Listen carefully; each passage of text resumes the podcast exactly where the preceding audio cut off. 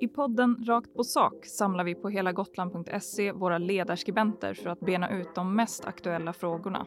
Vill du höra analyser och gå djupare in på det som påverkar gotlänningarnas vardag har du kommit helt rätt. Välkommen till podcasten Rakt på sak med Eva Bofride, Mats Linder och Erik Fransson. Och mig, Cecilia Thomsson.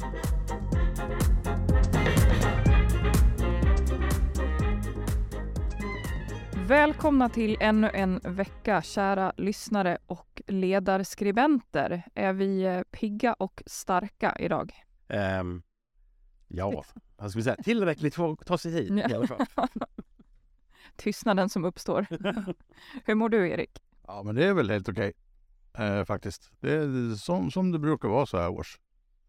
När våren är i antågande och man känner hur eh, blommorna spritta och fåglarna kvittrar. Då, då känns det som att livet är på väg tillbaks. Ja, verkligen så. Eh, idag har vi en härlig mix av ämnen framför oss, nämligen kontanter, åldrande och vin och sprit.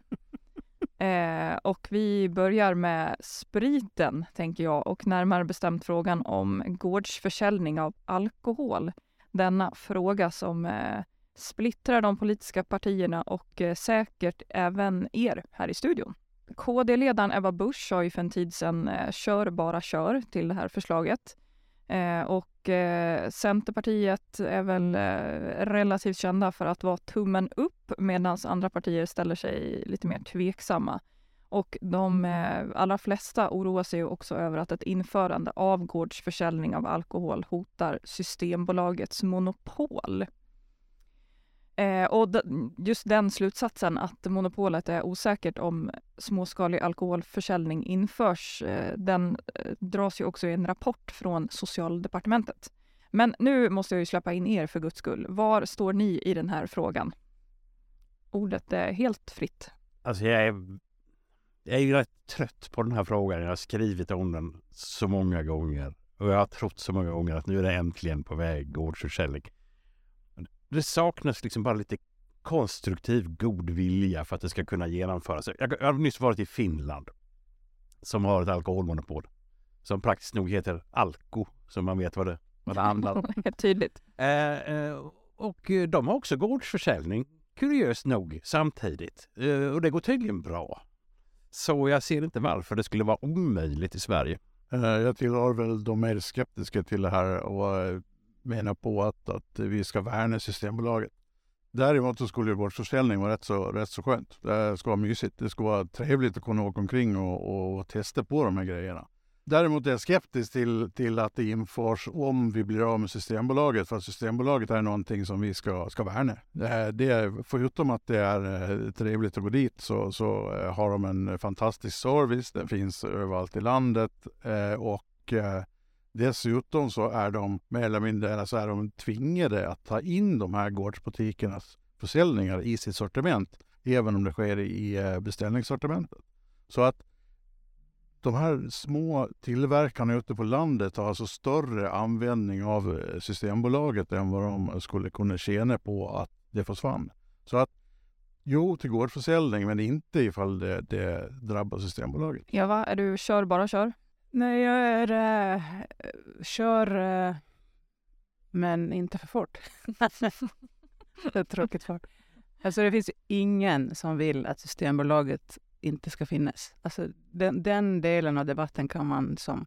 Möjligt att det finns någon enstaka, det finns inget parti som förespråkar att gårdsförsäljning ska införas på bekostnad av eh, alkoholmonopolet. Så den frågan tycker jag man kan bara ta bort ur diskussionen överhuvudtaget. Sen är det alltså, det finns ju experter som tycker olika om det här. Och det finns ju... Eh, borde ju finnas möjligheter att eh, formulera en, någon sorts vad ska man säga, regler för det här så att vi behåller vårt eh, alkoholmonopol. Det är ju inte som... Vi har ju makten över vår, eh, våra egna lagar i alla fall. Eh, så att jag tycker det är väldigt, väldigt konstigt att den här frågan fortfarande inte ens har kommit till en punkt där man vet vad man pratar om. Men eh, verkar det liksom vara möjligt att behålla monopolet eh, samtidigt som man inför gårdsförsäljning? Då? Mats, du var inne på att eh, det funkar i Finland. Ja. ja. the proof is in the pudding. Det, det existerar redan samexisterande alkoholmonopol och gårdsförsäljning. Jag har för mig att det som är i Finland har någonting att göra med deras eh, lokala kultur och eh, någonting som infördes i samband med deras, deras inträde i EU. Så att de hade reglerna redan från början medan vi går in och förändrar någonting som hade varit. Och det, det är där jag tror problemet finns. Så att jag tycker det är smart av Socialdemokraterna att gå ut nu och be om att man kollar upp med EU. Vad skulle kunna hända och hur skulle vi eventuellt kunna göra för att få igenom det här utan att drabba alkoholmonopolet. Så det största argumentet eh, för att eh, inte införa eh, gårdsförsäljning är, handlar egentligen inte om alkoholkonsumtionen. Alltså att den skulle eventuellt öka om man då införde gårdsförsäljning. Nej, jag tror inte att det är argumentet, utan argumentet är att man vill behålla alkoholmonopolet som det är. Alltså den typen av varor, svenskproducerade, lokalproducerade varor, eh, som skulle säljas inom ramen för gårdsförsäljning ligger ju inte i den prisklassen direkt att det, det vänder sig till eh, den typ av konsumtion som man associerar med missbruk. Nu ser ju missbrukarna ut lite olika och finns i eh, diverse olika ekonomiska klasser så att eh, så kan man ju inte säga. Men eh, tillgången kommer ju inte att öka så markant eh, och det kommer troligtvis inte att sitta folk ute i de här eh, vid de här lokala eh, försäljningsställena och, och tuta på ordentligt. Eh, så jag tror inte att den risken är stor. Jag tror att det här skulle kunna bli en bra turistattraktion ifall det genomförs. Men det går att hitta andra vägar att, att få ut sina varor lokalt och kunna göra sådana här test, tester. Exempelvis genom att, att arrangera någon form av, av restauranger eh, som skulle kunna ta in de här varorna. Det finns ju exempel på det på Gotland som har blivit jättelyckade. Och det är ju jättebilligt och lätt att starta en restaurang. det finns ju exempel på Gotland som har gjort det här på ett jättebra sätt. Men eh, jag förstår ju såklart att det finns massa, massa negativa eh, konsekvenser. Men jag var i Köpenhamn i påsk och det går ju liksom inte att förneka att det är väldigt smidigt att kunna gå in i en butik och handla sin mat och sen handlar man eh, sitt eh, vin. Håller ni med mig? Eh, jag kan hålla med dig. Jag är, jag är, ingen stor vän av Systembolaget. Jag tycker att eh, det, man talar så ofta om dess fantastiska utbud, men om man jämför liksom med, med, med vad som finns i, i, goda butiker utomlands så är det ju jag kanske inte lika imponerad av Systembolaget som en del andra. Jag har inga problem att eh, planera. Nu Dricka väldigt sällan vin till maten så här till vardags. Så jag har liksom inga problem att planera min inköp så det passar med en, när Systembolaget är öppet. Vilket det oftast är nu för tiden. Så att eh, för mig så ehm, är just den här tillgången i butik tror jag skulle vara, alltså den... Visst, klart det skulle vara möjligt, men det är ingenting som jag skulle tycka var att föredra. Vad säger du, Erik? Nej, jag tror inte heller att det skulle bli så mycket bättre. Alltså, vill man ha en snabb pava vin så hade det gått mycket smidigare att knöta ner till närmaste livsmedelsbutik. Men, men eh, man, man, vill ju ha lite större utbud där man går i de här än, än, än vad som faktiskt finns i än vad jag skulle misstänka skulle finnas i de gotländska matbutikerna. En sån här liten utvikning är väl jag har vissa synpunkter på Systembolagets placering i Visby. Jag tycker, om, man, om man till exempel handlar en, en låda öl på Systembolaget i Visby och sen ska man frakta den till bilen och tycker inte att man vill bära den. Då finns det vagnar och lasta den i. Men om man sen kör ut den här vagnen på gatan utanför så skakar det och det grövsta.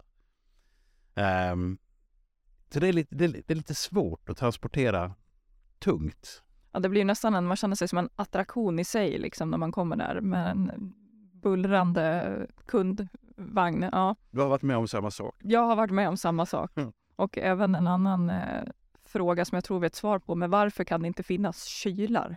Säg att man vill eh, dricka en flaska rosé och inte vänta i sex timmar. Liksom. Kyl! Varför finns det man inte kyl? Man kan inte lägga den i frysen och glömma bort den. Ja, det har jag också varit med om. Speciellt om det handlar om rosévin.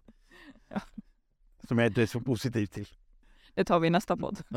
Vi går eh, vidare och eh, jag citerar. Det var inte bättre förr, men sämre nu, säger en person till helagotland.se eh, om att fler bankomater i Visby tas bort. Vad säger ni om det här fantastiska citatet? Håller ni med? Det, håller, med. det finns mycket där man kan applicera det citatet på.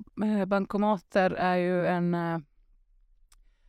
Ständigt ständig, också på tal om eh, gårdsförsäljningar diskuteras länge så är det ju här också en, inte riktigt lika länge kanske men, men eh, det är ju alltså väldiga problem för de som an, hanterar kontanter. Eh, vilket är en allt mindre och mindre skara så att det här är ju någon sorts cirkel som eh, har ett givet slut men, men där det blir problem såklart. Alltså citatet är fantastiskt och, och, det finns mycket man skulle kunna diskutera runt det. Men när det gäller bankomaterna så är vi ju återigen i en situation där i viktig infrastruktur har lagts ut på marknaden och, därmed håller på att försvinna. Så att eh, det, det, känns ju som att eh, staten behöver ta ett större ansvar. Sen är det frågan vad, hur, hur det här ska gå till. För att jag tillhör ju de som, som knappt vet hur dagens sedlar ser ut. Eh, för att inte tala om mynten. Eh, så att, så att eh, i och med att jag använder dem så sällan, det, det är fruktansvärt smidigt med korten. Så, så länge det finns pengar på dem.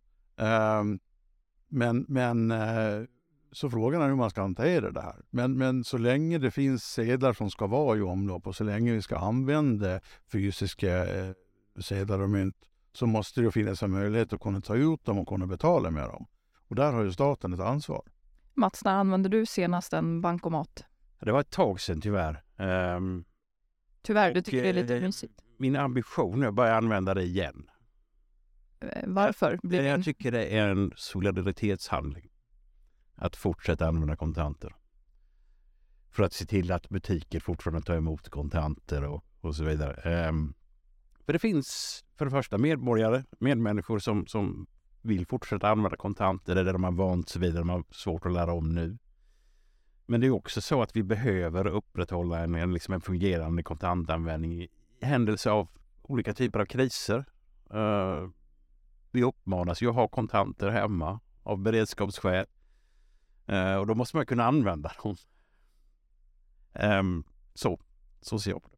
Ja, men det är bra att veta. Jag är ju eh, kanske inte heller eh, målgruppen sådär, men jag har haft en eh, 500 i plånboken i typ tio år som jag har fått av farmor som jag aldrig vet vad man ska, vad ska jag göra liksom.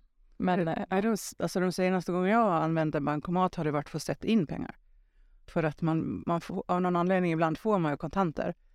Men eh, eftersom man aldrig använder kontanter så sätter man in dem på kortet. Alltså inte man, jag gör det i alla fall. Så det är ju en... Eh, men jag vet inte varför man ska upprätthålla någonting som folk inte vill ha. har jag lite svårt för. Eh, det är lite svårt med den logiken för mig. Jag vill ändå prata lite mer om det här fantastiska citatet, om ni tillåter. Vad, eh, det var inte bättre förr, men sämre nu. Vad tycker ni var bättre förr? Allt. Nej, men mycket. Har vi något exempel? möjligheten att parkera klokt på en parkeringsplats var mycket bättre förr med smalare bilar än vad det är idag då en bil tar upp en och en halv parkeringsplats och man knappt får upp dörrarna när man vill parkera. Känns som att jag har öppnat upp en can of worms här, men vi fortsätter. Känslan av att bilarna har blivit bredare beror i viss utsträckning på att människorna har blivit bredare. Ehm, eller är det tvärtom? Att vi tillåter oss bli bredare bara för att bilarna har blivit bredare. Jag vet inte. Har du något exempel Mats, eller tycker du att eh, allt är bättre nu? Nej, eh, verkligen inte. Ehm, allt är inte bättre nu. Kontanthantering tycker jag är ett exempel på, på, på detta. Att, att det är ändå ett betalningsmedel som innehåller liksom mer integritet och diskretion än vad när man när man hela tiden elektroniskt kan följa liksom hur man lever sitt liv och vad man lägger sina pengar på. Men jag tycker det är, i det kontrollsamhälle vi håller på att utveckla så är detta en, en del av, av det hela. Det kan också vara lite tråkigt på ett personligt plan att gå in och titta vad man har lagt sina... Det blir ju så tydligt. Liksom. Ja. Det finns ju två perspektiv på det här med bättre för Dels vad som var bättre för i, i världen och samhället och vad som var bättre för med ens egen person. Så att det, det finns ju mycket att, att, prata om och det här är någonting som fascinerar en mer och mer ju äldre man blir, har jag märkt. att man kan bli så här pinsamt nostalgisk som eh, man tyckte var väldigt pinsamt när äldre var, pratade förr om hur det var förr i tiden. Nu kan man sitta och titta tillbaka och så tänker man att vad enkelt allt var och var liksom, det fanns inte så himla mycket och, eh, äh, alltså, valfrihet och, och, att hela världen finns på en, man kan räcka ut handen och nå hela världen. Det är väldigt positivt men det är också lite stressande ibland.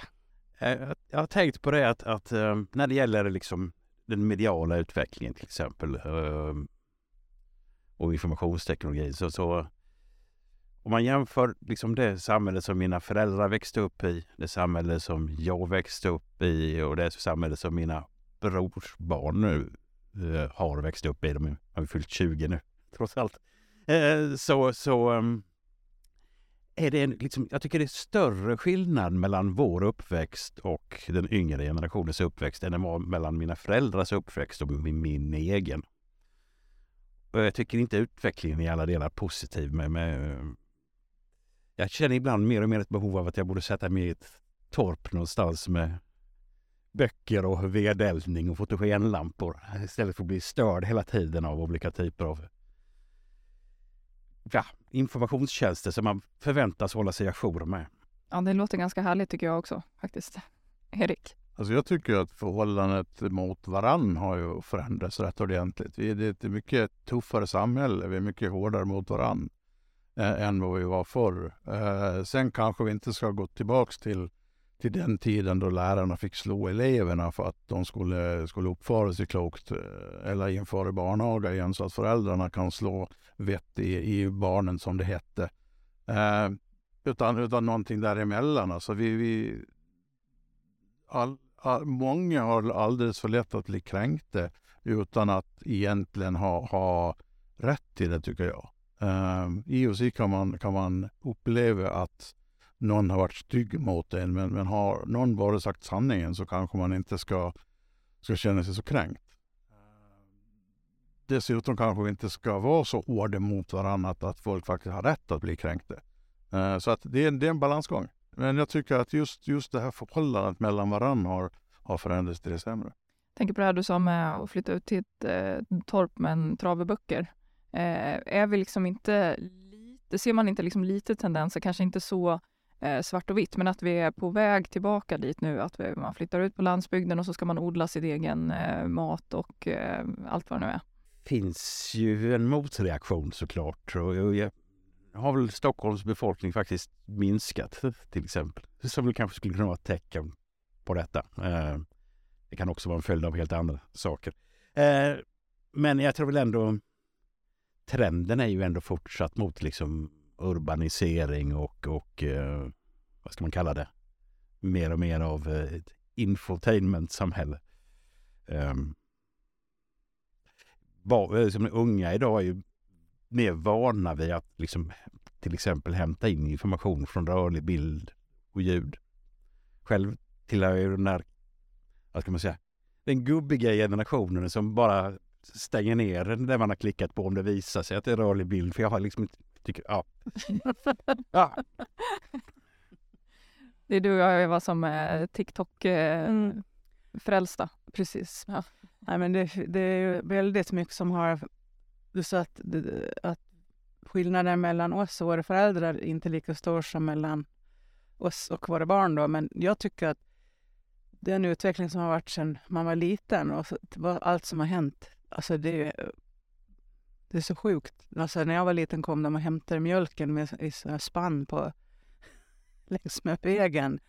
Och man hade, alltså det fanns ju ingenting som, allt det som finns idag hade man, det fanns ju inte ens i ens dröm.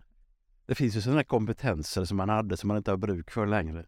Mm. Som jag visste till exempel hur jag kunde ringa på en sån här nummerskivetelefon där man hade tagit bort nummerskivan. Mm. Genom att slå på klykan Just. En gång för en nolla, två gånger för en etta och, och så vidare. Sådana partytrick som... Nästa personalfest, Mats. Då. Ja, man kan rota fram en gammal telefon. Ja, men jag, jag visar hur det går till. Jag tar på mig det. Detsamma också är att man eh, inte längre behöver längta efter någonting eller vänta på någonting. För man kan få allting direkt. För, när alltså förr i tiden så var det ju... Alltså skulle man ha en ny, några nya kläder så fick man ju snällt vänta tills antingen de gick sönder eller man växte ur dem. Idag kan man ju, tycker man att man behöver en ny färg. Så, alltså det här konsumtionssamhället är ju helt eh, enormt. Alltså åka utomlands på semester när vi var små var ju något väldigt, väldigt exklusivt. Nu åker folk två, tre gånger om året liksom, och det är inget konstigt. Det är inte så här rika folk som jag utan det är vem som helst. Så det är eh, en helt annan värld. Och snart kanske det vänder igen i och med klimat... Eh, ja. Exakt. Det är lite på grund av kanske det som har hänt. Den svenska kronans utveckling kan väl också begränsa resandet. Mm. Eh, vad är det? för- En dansk krona är väl uppåt 1,50 eller nu tror jag. Det kan jag bekräfta. Så Där för någon vecka sedan. Ja, det var 70 öre typ när jag var ung. Så, ehm, Ja, det var väldigt dyrt. Väldigt dyrt. och när man på den tiden åkte till, till eh, Köpenhamn till exempel och ville betala med svenska pengar så sa de alltid att en krona är en krona. Då fick man då väldigt dålig växelkurs. Det argumentet håller inte alls nu av någon anledning. Verkligen inte. Eh, Mats, jag hoppas att du väntar lite med att flytta ut till ditt torp för det känns som att det kommer påverka vår poddinspelning. eh, annars så säger jag och vi tack och hej för den här veckan och som vanligt hör gärna av er. Ni kanske har någon, eh, något eh, bra exempel på vad som har blivit bättre eller sämre. Eh, så skriv... Eh, Men skriv i så fall eh, till cecilia.thomson gotlandsallehanda.se. Eh, Tack och hej för den här veckan.